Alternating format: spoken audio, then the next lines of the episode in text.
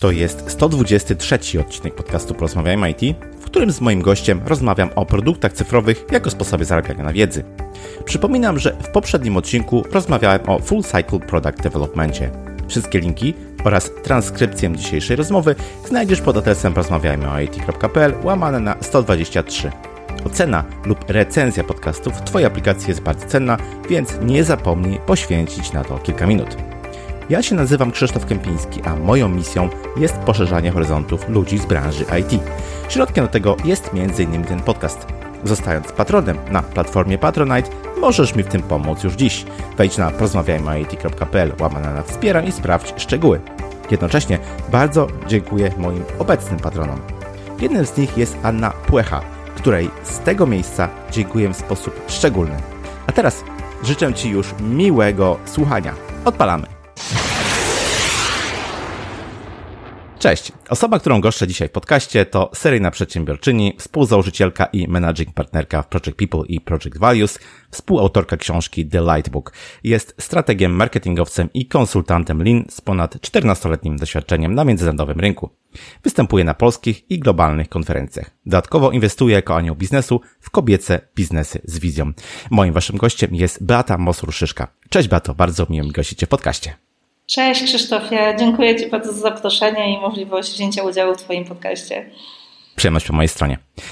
Ostatnio muszę się z Tobą, muszę się podzielić taką obserwacją, że e, widząc jak rynek IT e, się e, rozwija, to oczywiście jest to rozwój w kierunku technicznym i tutaj też pandemia mocno to przyspieszyła, ale dodatkowo widzę pewną odnogę, pewną taką tendencję polegającą na tym, że coraz więcej osób chce zarabiać na swojej wiedzy i chce zarabiać na swojej wiedzy poprzez produkty cyfrowe. I właśnie dzisiaj będę chciał Cię, Bato, zapytać, jak poprzez produkty cyfrowe najlepiej na tej wiedzy zarabiać. Ale standardowo rozpocznę od e, pytania, e, czy słuchasz e, podcastów? Jeśli tak, to może masz jakieś swoje ulubione. Wiesz co, słucham bardzo dużo podcastów. E, mam taki nawet projekt od około półtorej roku, że staram się słuchać co najmniej jednego podcastu dziennie. Hmm. E, więc tych podcastów słucham bardzo dużo. Moimi takimi ulubionymi są podcasty jednak związane z biznesem. E, hmm. Jako, że prowadzę kilka swoich firm, to staram się cały czas edukować i szukać różnych rozwiązań, tipów, jakichś też nowych trendów w podcastach. No i czas jazdy do, do biura czy powrotu czy gdzieś tam jakichś wieczornych spacerów z psem wykorzystuję właśnie na to, żeby słuchać tych podcastów. Takie moje ulubione podcasty to jest innymi podcast Grega Albrechta na temat leadershipu. E, Greg przeprowadza świetne wywiady z przedsiębiorcami, którzy e, osiągnęli próg ponad 4 e, milionów przychodu rocznie i to są bardzo fajne, inspirujące rozmowy na temat biznesowy, ale też życiowy i rozwoju osobistego tego, więc bardzo, bardzo polecam. E, drugą osobą, którą też intensywnie słucham, to jest Maciek Filipkowski, e, który prowadzi audycję Zaprojektuj swoje życie. I Maciek e, jest inwestorem, chyba częścią VC, mhm. e, w tej chwili już wcześniej e, business angelem e, i rozmawia na temat często startupów, które inwestuje z osobami, które budują globalne biznesy. To też są bardzo fajne, inspirujące rozmowy. Z takich innych kategorii to też podcast, który myślę, że jest bardzo popularny. Też jestem jego patronką na Patronite. To jest dział zagraniczny. Mhm.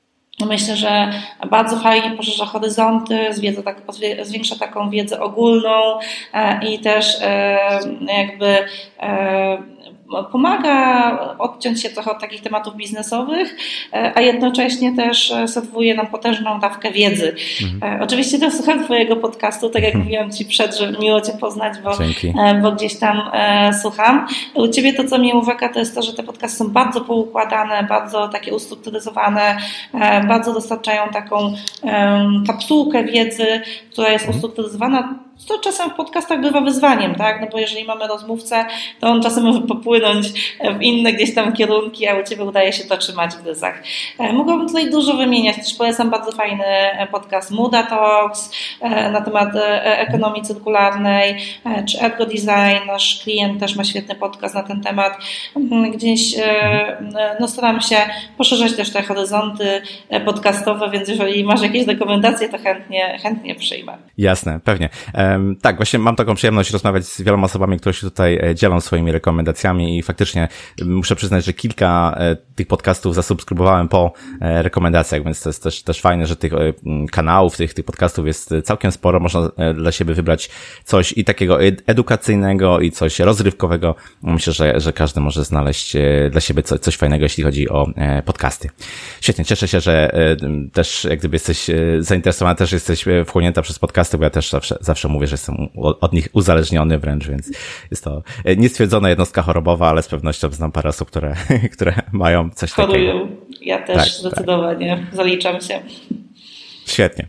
Dobrze, to chciałbym e, Cię teraz, Beato, zapytać właśnie o um, zarabianie na wiedzy też jako trend, bo widzimy, że e, z racji na to, że zostaliśmy w jakiś sposób e, uziemieni jakiś czas temu, no to zaczęliśmy też edukować się e, w sposób właśnie taki trochę cyfrowy, czy też korzystając z mediów e, cyfrowych. Coraz więcej osób zauważyło, że jest taka możliwość właśnie zarabiania na wiedzy, korzystając z tych pokładów wiedzy, które, które mają. I to powiedziałbym, zaryzykowałbym, że jest pewnym trendem. Jak to wygląda też z Twojego punktu widzenia, z punktu widzenia Twoich klientów? Czy właśnie zarabiania wiedzy można obecnie nazwać rosnącym trendem według Ciebie? E, wiesz co, myślę, że takim trendem jest już od właściwie wielu lat, e, bo już od lat, e, od kilkudziesięciu lat mówi się o tym, że żyjemy w ekonomii, tak zwanej knowledge-based ekonomii, prawda? I ta wiedza, czy, czy umiejętność budowania tej wiedzy, sprzedaży jej jest taką umiejętnością, która jest, staje się kluczowa w naszej gospodarce. Jeżeli chodzi o samą wartość rynku, to ona też rośnie i to w bardzo szybkim, dużym tempie tempie, bo jeżeli mówimy o takim globalnym rynku edukacji, to w 2019 roku było to 205 miliardów dolarów, czy bilionów, zależnie jaką tutaj jednostkę byśmy przyjęli, a już mówi się o tym, że w 2025 będzie to 350 miliardów dolarów, mhm. E, czyli wzrost e, jest na poziomie średniorocznym między 7 a 10%, e, więc jest to, jest to bardzo, bardzo szybki wzrost. Ale jeżeli popatrzymy sobie też jeszcze na, na, taką, na taki edutech, czyli e, wykorzystywanie technologii w edukacji, które Cię może, myślę, najbardziej tutaj e, też interesować z tej tematyki podcastu, e, to ta, ta wartość rośnie jeszcze szybciej, bo to jest niemal 20% rocznie w ciągu ostatnich lat i estymuje się, wiadomo, że to są estymacje, że ja sobie tutaj zetknę na liczbę, żeby się nie pomylić, przepraszam, że około 75 bilionów dolarów w 2019 roku miał ten rynek, a e, w 2027 będzie miał już 300 18 bilionów, więc jest to ogromny, bardzo szybki wzrost, wyakcelerowany jeszcze, tak jak powiedziałeś, przez e, czas e, COVID-a i przez czas zamknięcia lockdownu. E, bardzo wiele osób wykorzystywało ten czas do tego, żeby właśnie bardzo intensywnie się edukować. Ta edukacja stała się też taką trochę ucieczką od tej szarej rzeczywistości, stała się pewnym rozwiązaniem na zabicie czasu. Mm, ludzie uciekali w tą edukację bardzo dużo. Można też powiedzieć, że że, trend monetyzacji wiedzy coraz bardziej się rozwija, bo przez wiele lat e, jednak ta wiedza była bardzo szeroko dostępna za darmo. Mhm. E, też e, wiele firm przyzwyczaiło nas do tego, że, że mm, wiedzę w postaci kontentu marketingowego serwuje nam za darmo, a w mhm. ostatnich dwóch latach, trzech można zauważyć odwracający się trend, że ta wiedza zaczyna drożeć jednak. Mhm. Tak, właśnie, zawsze mnie zastanawia to, jak to jest, że żyjemy w takich czasach, kiedy dostęp do wiedzy nigdy nie był prostszy niż teraz, a mimo wszystko e, sprzedaje się ona, można tak e, tutaj w cudzysłowie ująć, mm, no też najlepiej w historii, tak? Tak jak mówisz, te, te, te rynki, te, te wartości e, rosną, ale to też może oznaczać, tak sobie myślę, że tej wiedzy jest na tyle dużo, a jednocześnie żyjemy w na tyle szybkich czasach, że nie chcemy tracić czasu na wyszukiwanie wiedzy i mm, ten trend taki odwrotny, o którym tutaj mówisz, że jednak coraz więcej e, treści czy wiedzy e, właśnie się sprzedaje, pomimo jak gdyby dużej podaży na rynku tej, e, tej wiedzy, chociażby ostatnie newslettery, które mam wrażenie, że trochę wybuchły jako, jako takie, takie medium, to też może oznaczać, że pójdziemy trochę właśnie w takim kierunku, gdzie doceniamy osoby, które nam tą wiedzę wyłuskują, gdzieś wyciągają i podają na talerzu i my nie musimy już tracić na to czasu. Hmm? Dokładnie tak jak mówisz, też jest tak, że przez ostatnie lata promowany był trend tego, żeby być generalistami. E, I takie kariery, e, powiedzmy, czy rozwój edukacyjny e, zaczął być kształtowany w kierunku rozwoju T-shape i P-shape. To znaczy, że mamy wiedzę generalną i jedną lub dwie specjalizacje, prawda, które, które są bardzo wąskie, które dają nam jakby możliwość wejścia bardzo głęboko w temat. No i widać, że tej wiedzy powiedzmy w tym poziomie takim e, e, e, szerokim jest coraz, coraz więcej, coraz trudniej być tym specjalistą i coraz węższe są te, te nasze odnogi, prawda? coraz węższe są te tematy, w których się specjalizujemy, więc mm, no jest, to, jest, to ciekawy, jest to ciekawy moment na rynku, myślę. Myślę, że to jest też moment zwrotny, dlatego że przez ostatnie kilkadziesiąt lat jednak ta wiedza chociażby poprzez edukację publiczną, poprzez dostęp do, do tanich książek, promocję czytelnictwa była bardzo tania, a e, teraz e, widzimy, tak jak powiedziałeś, że ten trend się odwraca. Mhm. Tak, sobie przypominam początki mojej kariery, gdzie e, najczęściej za na przykład zrealizowanie strony internetowej, to był ten, ten obszar technologiczny, w którym ja się poruszałem, była odpowiedzialna jedna osoba, tak od A do Z. No może z wyjątkiem grafiki, bo to wiadomo, trochę może innych wymaga talentów, ale mimo wszystko to była jedna osoba. Obecnie, jak sobie spojrzymy na przykład poprzez, na software house'y czy firmy, które tworzą, no to mamy tam liczne specjalizacje, od UI, e, po testy, po, po infrastrukturę i tak dalej, i tak dalej. Więc to... No, UX writing, tak. E, tak, UX tak. testing. Dokładnie.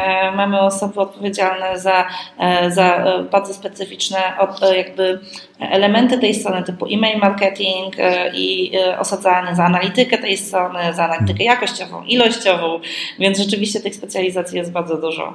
Właśnie tutaj ta pandemia, którą chcąc, nie, nie chcąc przywolaliśmy, spowodowała, że tak mam wrażenie, jak sobie obserwowałem różne, różne media, to taką książką, która była najczęściej gdzieś tam e, przywoływana, to był Czarny Łabędź Nassima Taleba, ale Nassim Taleb jest też twórcą może nie twórcą, ale raczej ukuł takie, e, takie, takie pojęcie antykruchości. Mhm. E, I chciałbym Cię zapytać właśnie e, o ten, o ten, o ten aspekt, bo mm, nawet branża IT, w której się poruszam, no może nie była bardzo dotknięta przez pandemię, ale mimo wszystko parę osób się gdzieś tam zdziwiło tym, że jednak ich pozycje na przykład nie są tak nienaruszalne, jak im się wydawało, więc jednak takie podejście do bycia antykruchym, również e, jeśli chodzi o przychody, e, jest myślę, e, myślę ważne, bo nigdy nie wiadomo, kiedy ten czarny łabędź nas odwiedzi. No i właśnie, jak, jak to wygląda, jeśli chodzi o produkty cyfrowe, zarabianie na wiedzy i dywersyfikację przychodu według Ciebie? Mhm. Powiedziałeś o tej antykruchości. Ja tutaj nie będę może się rozwodzić, myślę, że to jest temat samego WUKA, antykruchości jest już szeroko omawiany. Zachęcam do tego, żeby zapoznać się zwłaszcza z materiałami Gora Mroza z zespołu Zero Bullshit Management. E, on bardzo fajnie na ten temat mówi. E, jeżeli chodzi o same przychody, to dało się zauważyć taki, e, taki trend w software house'ach, firmach IT, tak jak mówiłeś, że zaczęło one szukać tych przychodów w innych miejscach i bardzo wiele z nich skierowało się właśnie w kierunku sprzedaży swojej wiedzy, sprzedaży swojego kapitału intelektualnego w postaci produktów cyfrowych. Nassim Taleb ukuł takie też taki model, można by mu powiedzieć, jak, jak model sztangi, który mówi właśnie o tym, w jaki sposób te przychody sobie dywersyfikować, że no, znana, znana nam już jest zasada Pareto, żeby mieć 80% e, przychodów, które daje nam 20% powiedzmy klientów e, i 20, które daje nam 80. I on mówi, ok, to też podzielcie swoje przychody na 8, czy tam e, swój biznes na, na dwie części, takie główne. Jedna, jedna, która będzie taką strefą bezpieczną, stabilną, e, która da podwaliny do całego biznesu i to powinno być 80%. Oczywiście ona powinna być też, żeby być bardziej elastycznym, zdywersyfikowana, nie powinna być e, jakby monolitem, tak? czyli nie, nie bazujemy na jednym kliencie, dla którego świadczymy usługi IT, bo jeżeli ten klient odejdzie, to zostajemy na lodzie. Nawet jeżeli jest to dwóch czy trzech dużych klientów, to, to wciąż jest to to bardzo duże ryzyko. Więc fajnie mieć tutaj w tej strefie bezpiecznej mm, dwa, trzy e, dwie, trzy usługi korowe, które świadczymy e, i kilkunastu, kilkuset, czasem nawet w zależności od tutaj wolumenu klientów, Jeżeli chodzi o tą drugą część 20%, to mówię, to powinno być takie laboratorium, miejsce do testów, do eksperymentów.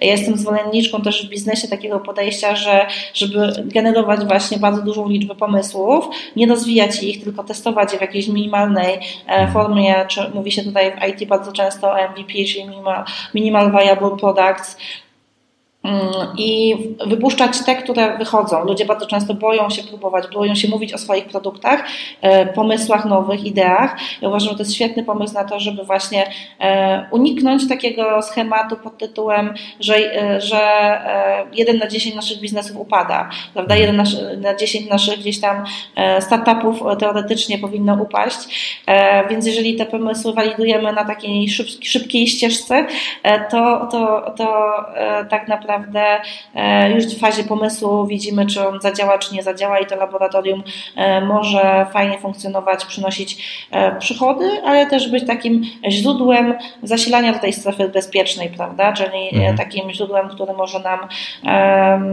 do, dostarczać nowe pomysły biznesowe, które urosną do tej strefy bezpiecznej. No i też to laboratorium gwarantuje jedną rzecz, czyli to, co się wydarzyło w COVID-zie, że czasem te, w momentach takich kryzysowych, kiedy cała gospodarka gospodarka gdzieś zmienia swój kierunek, kiedy mamy jakieś załamania, e, to te świeże pomysły, te eksperymenty mogą okazać się nowymi e, takimi częściami korowymi, nowymi podstawami do naszego biznesu, więc jest to e, myślę, że bardzo fajny koncept. Zachęcam do tego, żeby się z nim zapoznać i on też gwarantuje takie ryzykowanie czy budowę swojego modelu biznesowego w takim agile'owym stylu, ale bezpiecznym mimo wszystko, bo mamy dosyć dużo um, tych źródeł przychodu, dosyć dużo miejsc oparcia, ale jednocześnie jesteśmy otwarci na zmiany, eksperymentujemy i dokładamy nowe elementy do naszego biznesu. Mhm.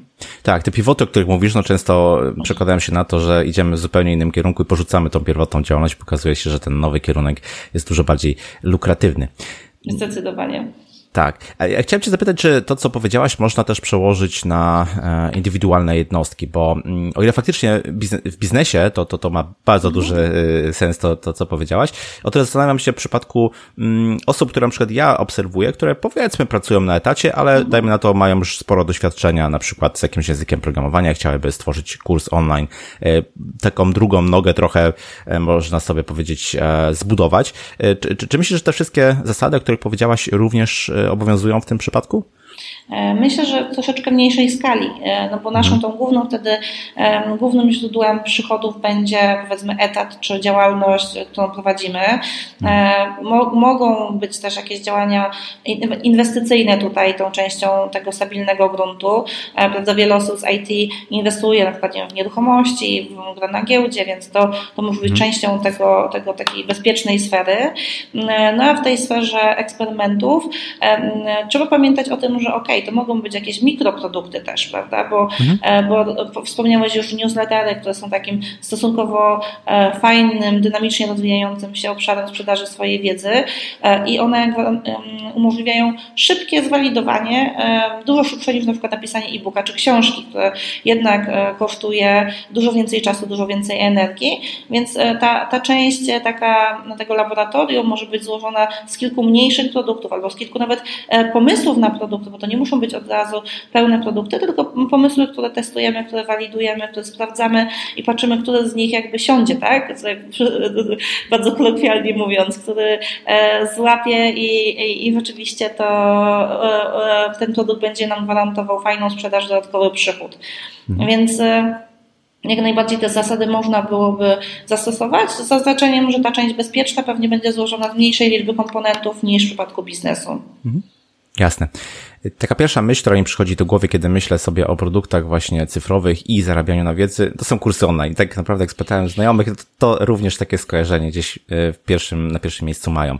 Ale to nam oczywiście nie wyczerpuje całego wachlarza różnych możliwości. Dlatego e, chcę cię, chcę cię zapytać, czy poprosić o to, żebyś pokazała, jakie formaty takich produktów cyfrowych i zarabiania na wiedzy są możliwe do, do, do złożenia. E, tak jak powiedziałeś, tym produktem, który najczęściej się wymienia, to są właśnie e-booki albo kursy online. Tak. E, myślę sobie, że branża e-learningowa w tej chwili szuka swojego złotego grala, e, to znaczy szuka kolejnych właśnie takich formatów, które byłyby, gwarantowałyby fajny zysk, fajny wzrost i byłyby nowe, świeże, jeszcze nie wyeksploatowane. Bo pomimo tego, że tych formatów, o których za chwileczkę powiem, jest dosyć dużo, to tak naprawdę właśnie królują te dwa i my jako konsumenci, jako konsumując wiedzę, wiedzę dosyć dużo, jestem mm, jakby mm, przytłoczona liczbą książek, przytłoczona liczbą mm, kursów online, które mam gdzieś tam zapisane do zrobienia. E, i jakby Wydaje się, że, że potrzebne jest coś świeższego, prostszego, e, fajnego, właśnie linowego, bardziej agile'owego, co by tą wiedzę serwowało.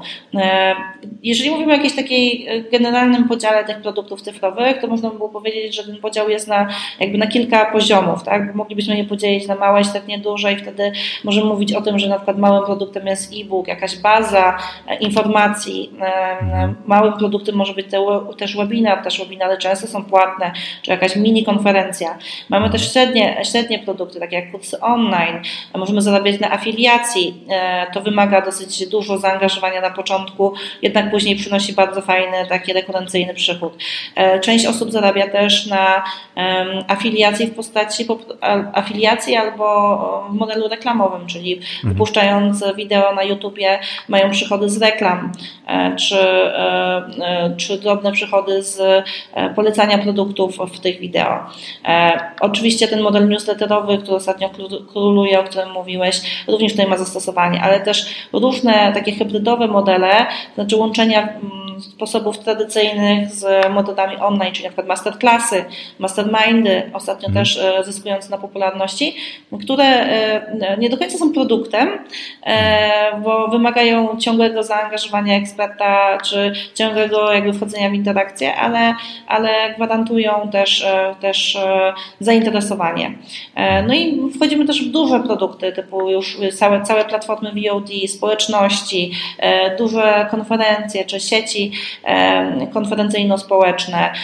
Bardzo fajnym tutaj przykładem jest Product Marketing Summit, który ma swoją ogromną społeczność na, na Slacku, sieć konferencji na całym świecie, do tego membership, więc to też jest myślę, że bardzo fajny, fajny przykład ale też wszystkie platformy cyfrowe tutaj wchodzą, prawda? To znaczy coraz więcej firm decyduje się na to, żeby zainwestować w rozwiązania IT, które wspierają ten rynek e, edutechowy, które go rozwijają i E, pojawia się coraz więcej platform, które wspierają chociażby dzielenie się wiedzą w postaci kursów online, chociażby, tak? Jak Kajabi, na przykład świetna platforma, bardzo fajna, czy społeczności, jak Circle, e, czy innego rodzaju rozwiązania, które pozwalają bez kodowania stworzyć już swoje produkty cyfrowe.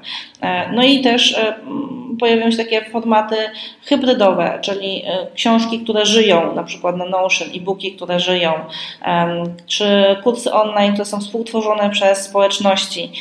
To są myślę, że bardzo fajne produkty, które gdzieś e, są przyszłością, bo nie są tak bardzo zafiksowane na wiedzę tu i teraz i ta wiedza tak szybko nie przemija, bo jest uzupełniana właśnie przez, przez innych, przez społeczność, nie jest uzależniona od nas jako od autorów.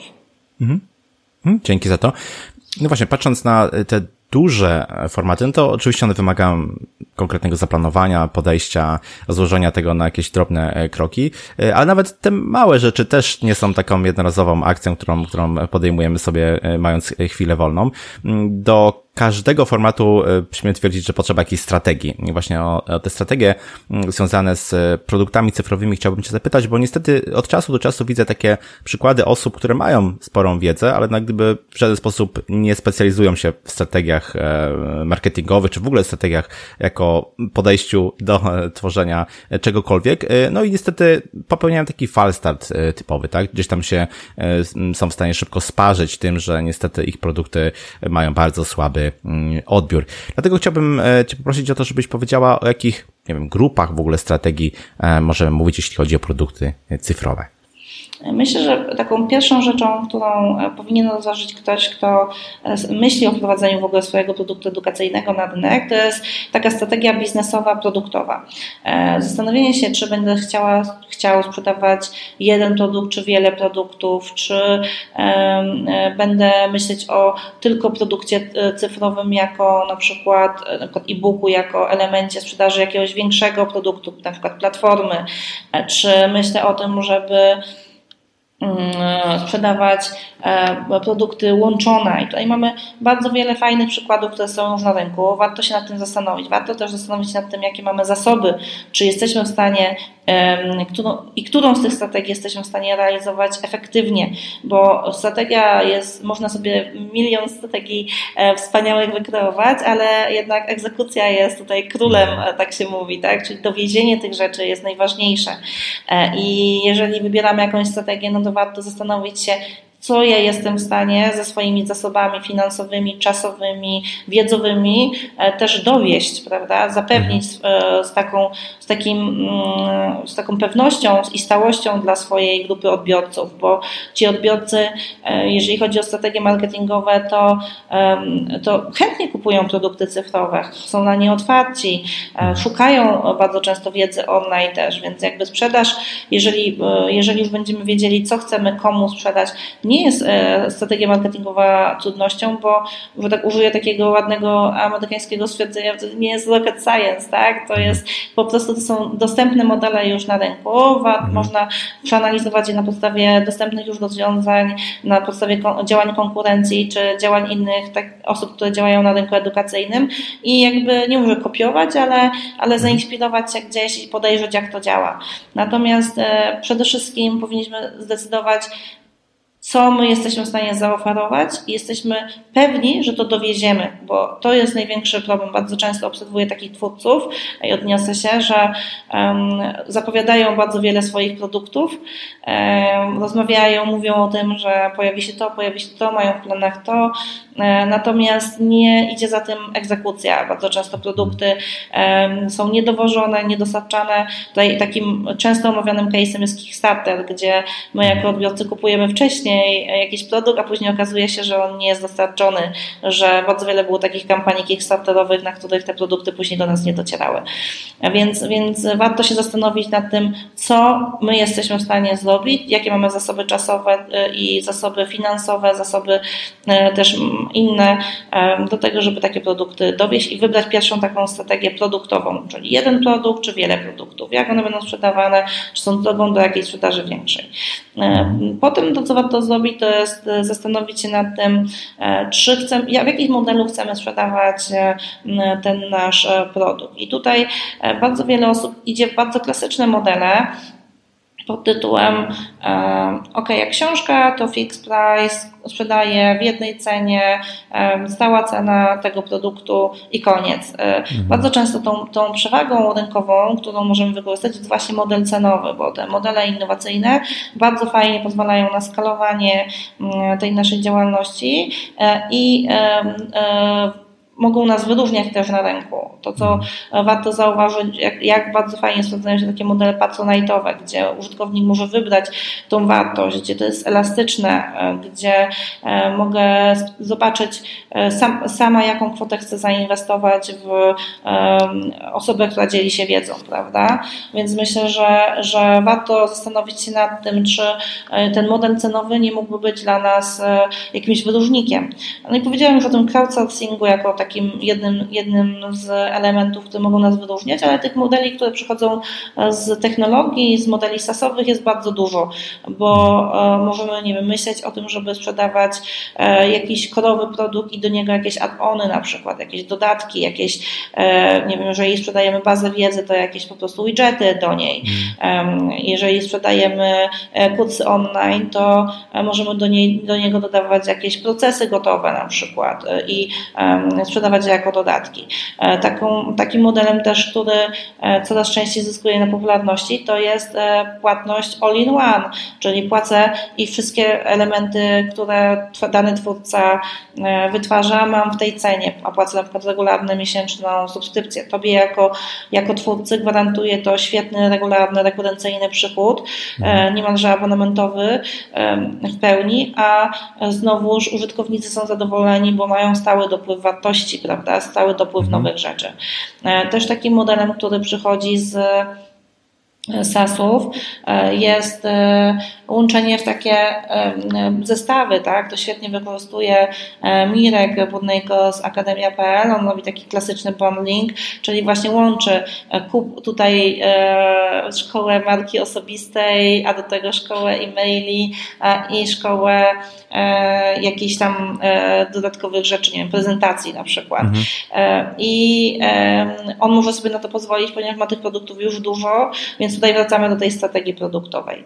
E, no i jeżeli, jeżeli chodzi już o, o, samą strategię marketingową, no to ona jest jakby pochodną tych dwóch rzeczy, bo jeżeli będziemy wiedzieli, jakie mamy, jakie mamy produkty, jaką mamy strategię produktową, jaką mamy strategię cenową, e, to e, też ta strategia marketingowa bardzo często jest wypadkową tych dwóch rzeczy. Natomiast jeżeli chodzi o same lejki marketingowe, które tutaj możemy zastosować, czy to w oparciu o markę osobistą, czy w oparciu o SEO, to one są bardzo czytelne i bardzo dobrze znane, bardzo dobrze też przebadane. E, wiemy, e, jakie te lejki funkcjonują i, i, i e, myślę, że to, co jakby pierwszą lekcją, którą trzeba odrobić, to jest po prostu przeanalizować właśnie sobie dane na ten temat, sprawdzić, mhm. poczytać o lejkach u Kotlera może, albo zaprosić jakiegoś eksperta, który się tym, na tym zna, albo popatrzeć właśnie, jak działa konkurencja i przeanalizować, jak, jaka jest ta ścieżka klienta, jaka jest ta customer journey przez, przez lejek marketingowy aż do zakupu e, i wybrać taka, która najbardziej pasuje do nas. No, jest kilka takich klasycznych, a może opowiem o dwóch takich przykładach, które fajnie pokazują, czym w ogóle jest ten lejek marketingowy, bo mówimy trochę mhm. często o, o jakichś modelach abstrakcyjnych, a później, e, a później e, trudno jest do tego się e, odnosić, ale e, może na, na case'ie na przykład Brainly, e, czyli takiej platformy edukacyjnej, która dostarcza wiedzę dla uczniów, można przeanalizować. Model Brainly jest oparty głównie o SEO, czyli kiedy użytkownik wpisuje jakieś zapytanie w wyszukiwarkę, to, to trafia do platformy Brainly. Głównie ci użytkownicy nie szukają jednak z takiego klasycznego SEO, można by było powiedzieć, czyli wyszukań Brainly albo platformy edukacyjne, mhm. tylko, e, tylko jednak z tak zwanego długiego ogona, czyli z bardzo wąskich e, pytań, które dotyczą wąskich kwestii, a jednocześnie użytkownik szuka bardzo konkretnej odpowiedzi na swoje pytanie. E, czyli nie wiem, uczeń wpisuje, jak rozwiązać zadanie piąte ze strony X książki takiej i takiej i wpada do Brainly na stronę i tam Brainly zatrzymuje, tutaj już jest całe zadanie po, po stronie platformy, żeby zatrzymać tego użytkownika i go przekonwertować mhm. jak najwięcej. Mówi się o tym, żeby użytkownik dokonał zakupu, potrzebnych jest między w tej chwili około 8 punktów styku, więc zobaczmy, użytkownik wpisał w Google, to jest pierwszy punkt styku, zobaczył gdzieś tam reklamę Brainly albo zobaczył e, wynik wyszukiwania, e, przeszedł na stronę, to jest drugi punkt styku do swojego zapytania, no i teraz jak go tutaj zapytać, więc e, całe pozostałe sześć, sześć punktów styku musi być po stronie platformy, więc tutaj mamy e, chociażby e, kontakt e, przez jakiś czat z użytkownikiem. Jest content, który zachęca do tego, żeby zobaczyć jakieś powiązane kwestie. Są blog posty, które są związane z danym tematem, możliwość skonsultowania się z mentorem, i tak dalej, i tak dalej. Czyli jakby do, e, e, jesteśmy wciągani przez platformę do tego, żeby zbudować sobie te punkty styku i dopiero po, po x tych punktach styku dochodzi do tego, że jesteśmy proszeni o to, żeby ok, chcesz więcej tej wiedzy, chcesz więcej e, dowiedzieć się na temat jakiejś kwestii, tutaj możesz wykupić u nas subskrypcję, czyli ten zakup mhm. nie jest jakby automatyczny. No albo takim też e, e, case'em znanym jest e, case Maćka Nisadowicza, który ogromnie swoją sprzedaż rozhulał i tutaj on bardzo fajnie działał bardziej o, o swoją markę osobistą. Miał już bardzo dużą swoją społeczność budowaną mhm. przez lata, e, właściwie na swoim blogu, e, czy poprzez występowanie na konferencjach w różnych platformach. I on po prostu tą społeczność swoją zaczął konwertować na, najpierw na, na e, zaangażowanie w newsletterze, zbudował bardzo wiele tych punktów styku poprzez mailingi właśnie regularne w każdy piątek, gdzie angażował, wykorzystywał już kontent, który miał, bo to były nagrania z jego starych wystąpień, mhm. poprzednich, jakieś fragmenty jego tekstów wcześniejszych i E, na koniec po tam kilku miesiącach powiedział, ok, to teraz kupcie. E, no i zbudował poprzez mailing, poprzez e, monetyzację swojej grupy już, którą miał jakby u siebie, zbudował bardzo fajny wynik finansowy, bardzo fajny wynik, wynik sprzedażowy. Więc jak widać, nie potrzeba wiele tak naprawdę, potrzeba przemyślenia, przemyślenia tego lejka, zastanowienia się, ok, jak ja mogę zbudować te 8 punktów styku z moimi odbiorcami, jak będą przepływać od momentu pierwszego kontaktu z naszą marką do tego momentu e, zakupu. Mhm. Rozgadałam Właśnie. się troszkę. nie, nie, bardzo dobrze, bo temat bardzo, bardzo ważny. I z tego, co mm, mówisz, to tak widzę takie dwa jaskrawe sposoby zarabiania właśnie na, na wiedzę przez produkty cyfrowe. Mianowicie zarabianie na swojej wiedzy, którą się zakumulowało przez lata, albo e, zarabianie na wiedzy innych, tak? Bo ten model Brainly, e, model, no w tej chwili już Mirka i, i, i Maćka to de facto też jest zarabianie na, na wiedzy innych. Newslettery, o których tutaj mówiliśmy, takie agregatory um, treści, czy takie taka kurato, kuratela treści, to też jest właśnie zarabianie na wiedzy innych, e, versus powiedzmy takie klasyczne tworzenie, dajmy na to swojego e, kursu e, online, po prostu będąc ekspertem, może nawet posiadając silną markę, jakąś ekspertyzę w tym, w tym temacie. Czy jak gdyby widzisz jakieś, jakieś trendy albo któryś z tych sposobów się umacnia, któryś daje może większe ROI, że tak, że tak to ujmę? No tutaj e, oczywistym w zasadzie jest, że ten e, model zarabiania na wiedzy innych e, jest tym modelem, który będzie bardziej zyskowny. E, tak jak wspomniałeś, model Brainy, tak? Zarabiamy na tym, że inni dzielą się wiedzą, że odpowiadają na pytania. E, Akademia.pl, dajemy platformę do tego, żebyś mógł sprzedawać swoje kursy online, pokazujemy Ci, jak je tworzyć. Znany lekarz, e, tak? Czyli dajemy przestrzeń lekarzom do tego, żeby sprzedawali swoją wiedzę, sprzedawali swoje konsultacje. Tych modeli modeli takich, które oparte są o, o sprzedaż wiedzy innych jest bardzo dużo, chociaż to bardzo brzydko brzmi, tak, sprzedaż wiedzy innych, ale no, e, to tak jak w branży medialnej, prawda, też branża medialna e, nie, nie zarabia na nie wiem, swoim własnym kontencie, tylko na tym, że mhm. daje platformę innym do, do sprzedaży, do zarabiania. I e, myślę, że, że tutaj nie jest to zaskoczeniem, że, że ten model sprzedaży wiedzy innych jest, jest tym bardziej zyskownym, tym bardziej przychodowym. Aczkolwiek warto zwrócić uwagę, że znaczna część tych e, platform, znaczna część tych osób, o których tutaj mówimy, na początku jednak zarabiała e, w pewnym w pewnym modelu na swojej wiedzy, tak? Bo Mirek mhm. Budnejko, o którym już tutaj rozmawialiśmy w przypadku akademii.pl, mm, na początku tworzył swoje własne kursy, stał się autorytetem w, w na początku branży IT, testowania, potem trochę bardziej mhm. powiedzmy lifestyle'owym, e, czy finansowa finansowania teraz e, swojego biznesu, czy prowadzenia swojego biznesu, e, to robił to na początku sam, a później wyewoluował do, do, tej, do tego zarabiania na wiedzy innych, więc ten model też jest również jak najbardziej sensowny, prawda, żeby zacząć od siebie, a później, później zmieniać ten model biznesowy ale warto mieć to jakby z tyłu głowy, ponieważ no, wyobraźmy sobie, że ile jesteśmy w stanie jako autorzy nagrać kursów online, e, czy napisać książek w ciągu roku, prawda? No, mm, dobry gdzieś e, pisarz e, twórczy jest w stanie napisać jedną książkę w roku, może mhm. dwie. Osoby, które tworzą e-booki, chociażby Eliza, nie wiem czy tutaj w branży IT ona jest znana, ja z, bardzo dużym zainteresowaniem obserwuję jej ruchy.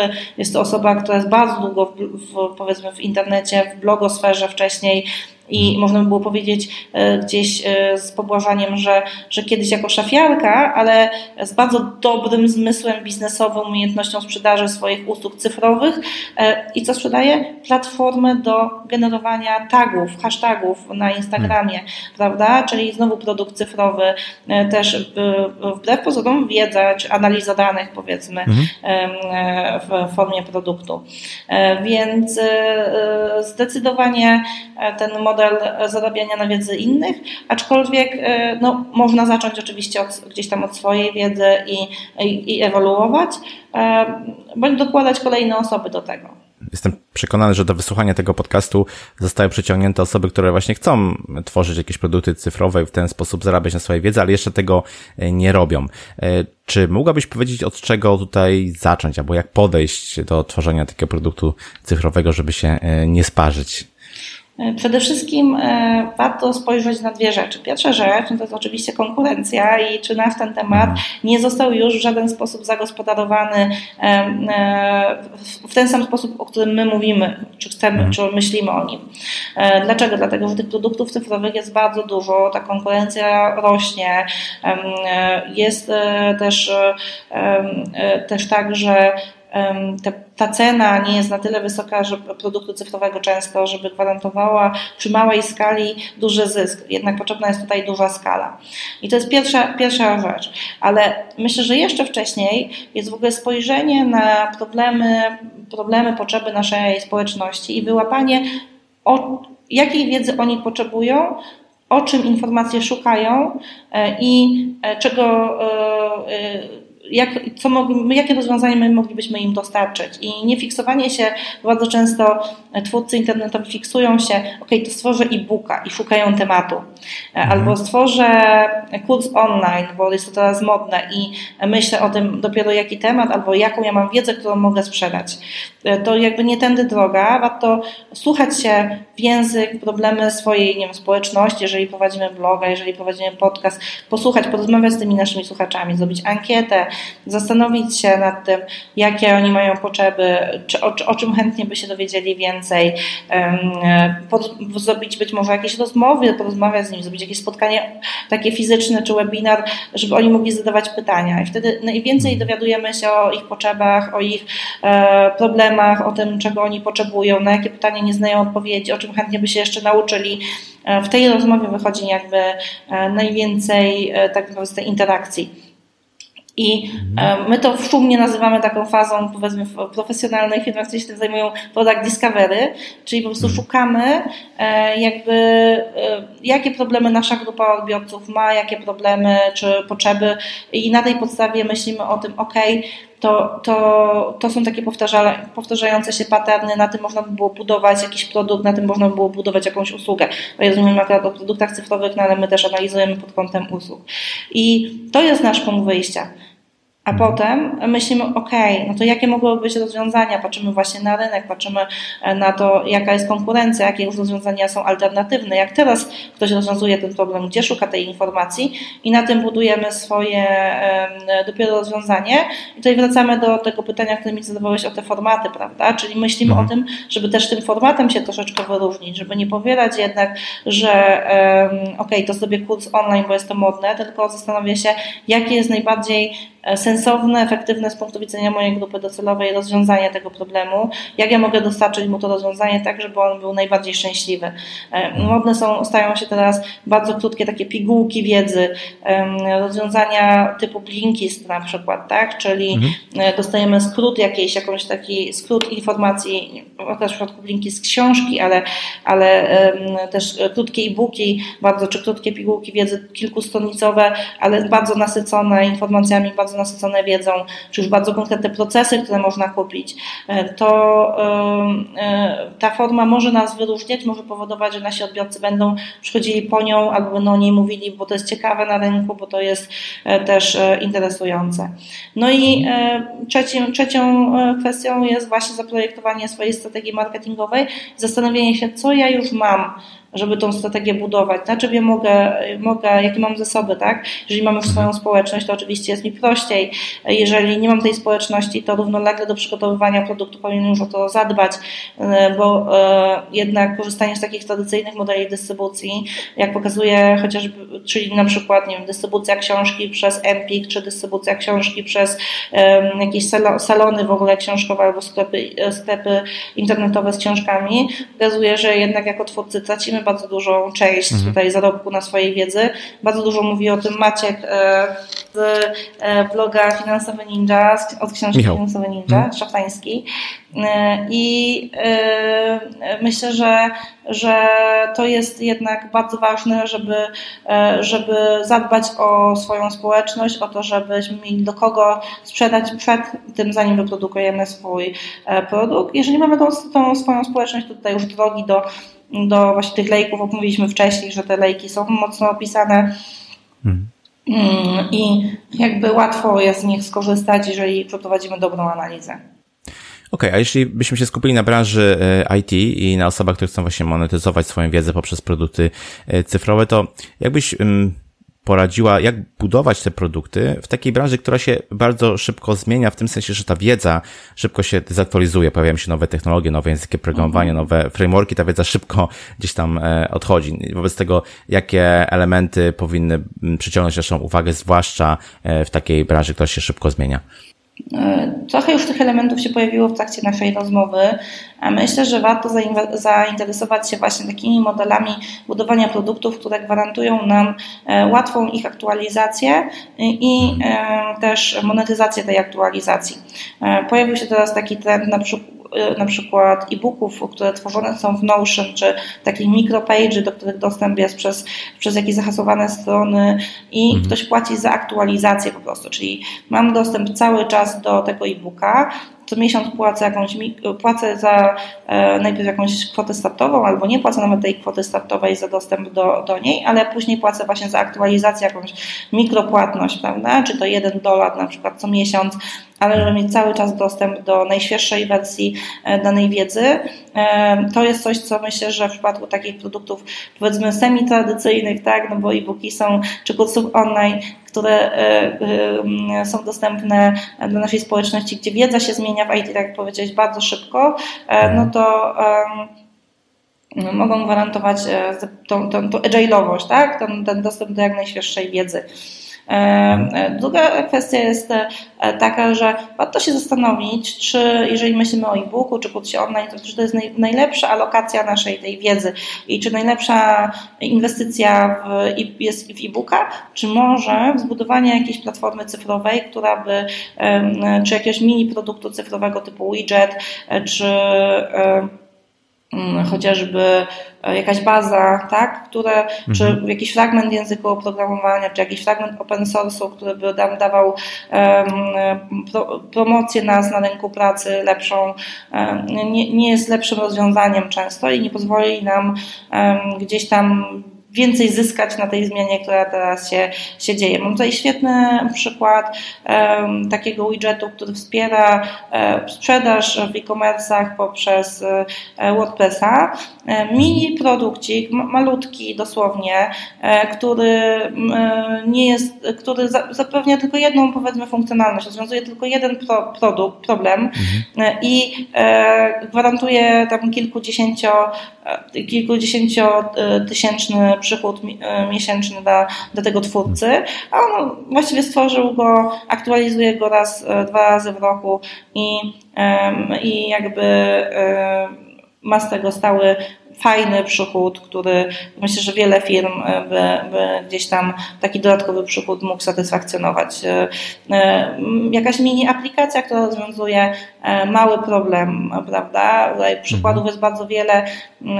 Ja akurat tutaj znam Grześka Świrskiego, który stworzył taką aplikację, która rozwiązuje jeden problem aparatów cyfrowych mhm. i jest dostępna w App Store, kosztuje tam chyba 2 dolary i też właśnie gwarantuje świetny comiesięczny przychód e, temu twórcy z, e, z takiej aplikacji.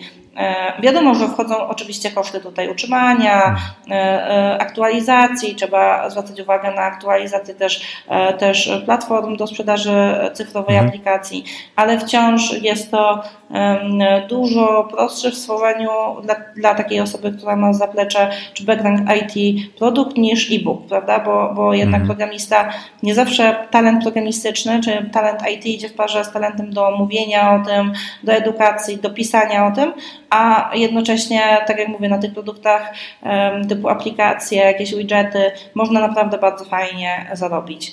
No i też warto, jeżeli mówimy tutaj już o większych, nie o, o osobach poszczególnych, o, o programistach czy, czy e, osobach związanych z IT, pojedynczych tylko firmach, na przykład software house'ach, e, to, to co warto zwrócić uwagę, e, myślę, to jest to, że jednak kultura usługowa, która bardzo często panuje w e, software house'ach, jest zupełnie inną niż kultura produktowa i mhm. budowy produktów. I bardzo często software house'y myślą na zasadzie takiej, że ok, to my teraz stworzymy sobie tutaj produkt na boku i zaczniemy na nim zarabiać, ale to tak nie działa, bo wymaga to zupełnie zmiany, żeby ten produkt osiągnął sukces, no to, to potrzebne jest jednak zainwestowanie w to czasu, zmiana kultury organizacji, zmiana sposobu mhm. myślenia o budowie rzeczy z modelu usługowego na produktowy, a to jest zupełnie inny mindset. No i bardzo fajnym, pozytywnym przykładem tej zmiany e, jest na przykład Zoe, e, która, nie wiem czy tutaj kojarzysz, Maja Szefer, Maćka e, Ciołka, mhm. którzy wcześniej tworzyli Software House Code Heroes mm, i w pewnym momencie zdecydowali po prostu, że rozdzielają się jako twórcy tego Software House'u i Maja zaczęła budować produkt Chatbotize, teraz po zmianie mhm. brandingu Zoe mm, a Maciek zawsze dalej kontynuował te prace software'owe i w ten sposób, właśnie rozdzielając jakby firmę na dwie części z dwoma CEO osobnymi, nawet w dwóch różnych lokalizacjach, bo, bo ta część software'owa była w Krakowie, a Zoe było w Warszawie, dopiero udało się, się gdzieś tam ten produkt zbudować i wyskalować. Myślę, że, że wiele znamy porażek w tym obszarze niestety, to znaczy o wielu software house'ach słyszymy, którzy przez wiele lat próbują budować jakieś swoje produkty, one nie wychodzą, jest problem z ich aktualizacją, jest problem ze sprzedażą, sprzedażą, bo ta sprzedaż produktowa jest jednak e, odrobinę inna niż taka e, sprzedaż usług. E, I no warto jednak pamiętać o tym i zadbać gdzieś o tą kulturę produktową. Ja tutaj wykorzystam czas antenowy, żeby powiedzieć, że jest świetna grupa na, na Facebooku, która się nazywa Product Culture Community i zachęcam do tego osoby, które, które chcą budować swoje produkty cyfrowe, e, a są z IT, do tego, żeby dołączyć, bo, bo tam osoby, które budują produkty, dzielą się świetnymi insightami. Naprawdę polecam bardzo, bardzo e, fajne miejsce. Świetnie, dzięki za tą rekomendację. No właśnie, tu powiedziałaś o wielu różnych e, formatach, w których można te produkty cyfrowe e, opakować, ale chciałem wrócić do takiego najbardziej klasycznego, albo przynajmniej do takiego, który jako pierwszy przychodzi gdzieś e, do głowy ludziom z IT, czyli do po prostu produkowania kontentu, który później może być sprzedawany. No i te osoby bardzo często, jak gdyby ograniczają cały ten proces y, tworzenia produktu cyfrowego właśnie do wyprodukowania kontentu, tak? Chociażby no, nagranie tego kursu e, online. No ale to oczywiście jest nie wszystko, są jeszcze jakieś rzeczy, które trzeba zrobić przed i które trzeba zrobić po, żeby się powiedzmy cieszyć taką e, sprzedażą, która, która nam się w jakiś sposób, która będzie nas po prostu zadowalać. E, no i właśnie o te rzeczy przed i po wyprodukowaniu kontentu chciałbym Cię teraz zapytać. No trochę też już o tym mówiliśmy, o, na przykład o tym, żeby, że warto zbudować jednak swoją społeczność przed e, e, albo równolegle do, e, do budowy swojego produktu cyfrowego. To jest jakby pierwsza rzecz. Druga rzecz, że jeżeli myślimy o tym jako o dodatku do, do, gdzieś do etatu, mm, no to mm, warto zagospodarować jednak jakieś wsparcie mm, osób z zewnątrz, które będą e, jakby na stałe promować e, ten nasz produkt, bo trzeba liczyć się z tym, że my pracując na etacie, zwłaszcza w obecnym momencie, w którym IT wybucha, kiedy tej pracy jest bardzo dużo i słyszę od, od znajomych e, programistów o wielu nadgodzinach, które gdzieś tam mm. muszą, muszą pełnić, ponieważ bardzo przyspieszyła ta, ta powiedzmy digitalizacja tak ogólnie, czy, czy cyfryzacja, czy wyakcelerowała się bardzo mocno, że nie będziemy mieć na to czasu, a też, że stworzenie produktu na tyle wyssie nas energię um, i, i będziemy myśleć, ok, już skończyliśmy, chcemy usiąść e, sobie, wypić kawę i patrzeć, jak się sprzedaje, no to, to niestety tak się nie zadzieje, więc warto zabezpieczyć sobie te tyły, zaangażować jak, jakąś osobę, która która, czy to jakiegoś wspólnika, czy osoby z naszego otoczenia, która mogłaby na freelance nas wspierać w zakresie marketingu, promocji tego kontentu, w social media, czy, czy w jakiejś formule newsletterowej, bo jednak to wymaga dosyć dużego zaangażowania ciągłego, ciągłej promocji. E, więc, więc myślę, że to warto zabezpieczyć. Jeżeli jesteśmy software house'em, no to warto zastanowić się, czy mamy w naszym zespole marketingowym przestrzeń na to, e, żeby właśnie taki produkt cyfrowy promować E, po jego wypuszczeniu, e, a druga rzecz, i czy nie warto zaangażować jakiejś firmy z zewnątrz, jakiejś mini agencji, czy, czy większej agencji do promocji. Dlaczego o tym mówię? Dlatego, że bardzo często firmy wypuszczają na przykład jednego e-booka i, czy, czy osoby prywatne też wypuszczają jednego e-booka, dziwią się, że się nie sprzedaje, ale nie robią nic w kierunku jego promocji i albo robią niewiele i są później rozczarowane, mówią, że to nie działa, Oczywiście, że działa, no tylko warto zabezpieczyć właśnie sobie e, też e, cały proces e, wokół. Myślę też, że takim, taką rzeczą, którą warto sobie zabezpieczyć podczas tworzenia takiego produktu, to jest zastanowienie się, w jaki sposób on w sposób wiralowy może się rozchodzić. Mhm. Czy są jakieś takie metody, miejsca, które nam gwarantują jednak obecność w umysłach naszych potencjalnych konsumentów albo dotarcie do naszych potencjalnych klientów bez naszego zaangażowania. No, y, y, jest, są takie rzeczywiście e, sposoby, które mogą to gwarantować. Jeżeli mamy na przykład produkt, który jest e, e, bardzo kontrowersyjny, często cytowany i, i na przykład dotyka jakichś obszarów albo zawiera jakieś dane, które, które, na które wiele osób będzie się powoływało przez, przez mhm. kilka lat. To jest trik, który stosują agencje badawcze czy agencje konsultingowe, tak? Tworzą raporty badawcze, mhm. Później ktoś powołuje się na te raporty i tak do nich e, trafiają klienci, tak, poprzez zmianki.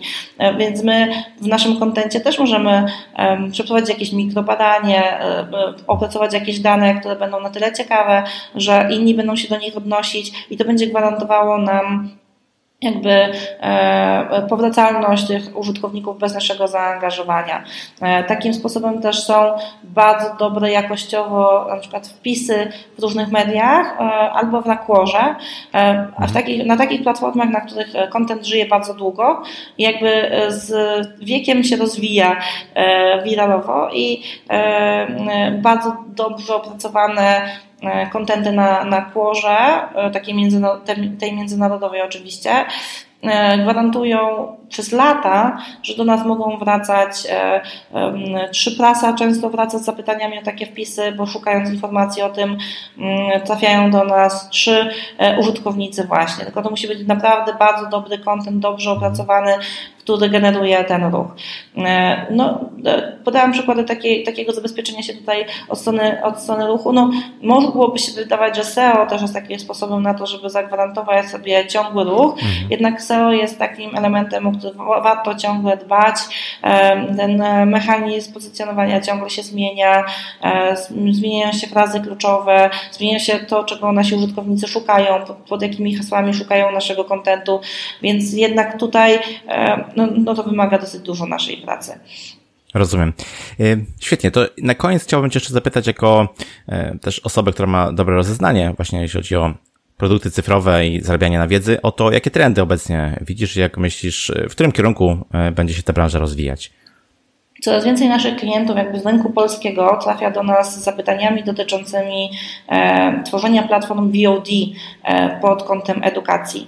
E, I to już wychodzi dużo e, bardziej poza kursy online, e, bo nie są to pojedyncze kursy, tylko są całe jakby telewizje edukacyjne, e, które zapewniają ciągły dostęp do, do kontentu live, tak? czyli do, mhm. do wystąpień live, tak jak nie wiem, telewizja śniadaniowa, edukacyjna, czy, czy, czy wystąpienia poszczególnych osób, ale też do stałego kontentu nagranego, tak jak na Netflixie. No i tutaj takie, takie telewizje edukacyjne, takie VOD edukacyjne mają bardzo często charakter właśnie rekurencyjnego przychodu, tak jak na Netflixie, Netflixie, tak? Czyli model abonamentowy, płacimy jakąś opłatę miesięczną, mamy dostęp do kontentu, do wideo, do jakiejś treści online. Natomiast no to jest taki trend, który jest jakby najbliższy, tak bym powiedziała, czyli mhm. temu, co, to, co już się dzieje. Takie trendy, które gdzieś widzę, że przychodzą z zagranicy, mamy zapytania dotyczące tego, albo, albo gdzieś sama jestem zainteresowana tym tematem, to myślę, że są trzy takie główne.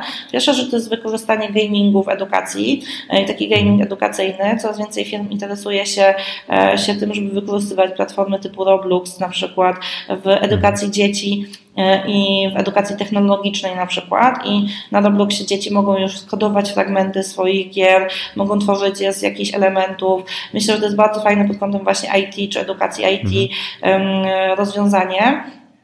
E, polecam tutaj też e, analizę Robloxa, którą wykonał Bartek Pucek, nie, no nie podam konkretnej daty, ale jeżeli przeszukacie sobie stronę Bartka, jego blog, to bodajże pucek.pl to znajdziecie tą analizę, to pokazuje jak wielka, wielki jest to rynek, jak wielka jest to, jest to um, platforma Roblox i inne tego typu, e, które angażują dzieci już od naj, najwcześniejszych lat, bo, bo mhm. użytkownicy tej platformy, którzy zaczynają gdzieś kodować, mają 3 latka na przykład, czy 4, hmm. e, a, a kończy się ten cykl życia Robloxa na 12-latkach, mniej więcej 11-latkach. Więc ten gaming edukacyjny jest to, myślę, że bardzo duży kierunek który będzie się rozwijał, zwłaszcza w obszarze edukacji technologicznej. Mhm. E, trochę z innej, e, z innej strony e, widać to, że elementy, które jeszcze kilka lat temu wydawały się bardzo abstrakcyjne, jak edukacja z wykorzystaniem VR czy AR, wydawało nam się, że no ale to jest nieużyteczne, to jest drogie. Adapta, adopcja tej technologii e, się zwiększa, e, elementy jej tanieją e, i mhm. coraz częściej wykorzystywane są już w edukacji takiej B2B, czyli na przykład kiedy no my mieliśmy takiego, takiego nie klienta, tylko potencjalnego klienta, ale prowadziliśmy rozmowy na ten temat, gdzie prowadzone były szkolenia z wykorzystaniem VR-u na platformach wiertniczych. E, no, firmom hmm. naftowym nie, e, nie opłacało się wysyłać na szkolenia osoby na, na platformy mhm. wiertnicze, więc zrobili to w, po prostu wykorzystaniem najnowszej technologii. Więc myślę, że to jest taki trend, który bardzo mocno przez najbliższe lata będzie się e, rozwijał. Widać to w zainteresowaniu po prostu największych firm technologicznych też, bo i Google i Microsoft inwestują w swoje technologie w tym obszarze, więc na pewno to, to e, będzie, nie robią tego bezinteresownie, mają w tym mhm. bardzo duży plan rozwoju.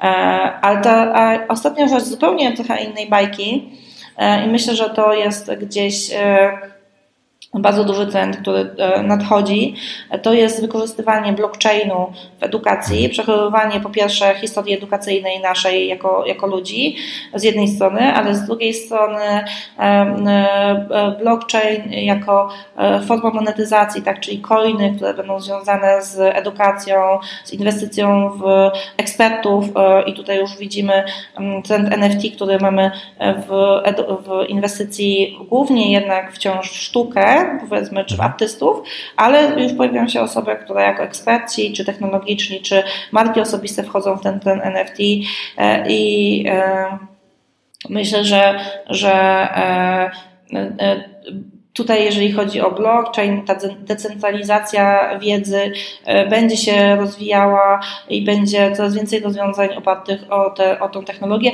Jakkolwiek to nie jest e, zbytnio dobre dla naszego środowiska naturalnego, coraz więcej na ten temat mhm. się dyskutuje, no ale e, wszystkie te rozwiązania, o których tutaj rozmawialiśmy, technologiczne, one mimo wszystko dla tego środowiska naturalnego mm, no nie są tak, tak zdrowe i myślę, że to też będzie takim trendem, który będzie głośno dyskutowany przez najbliższe lata.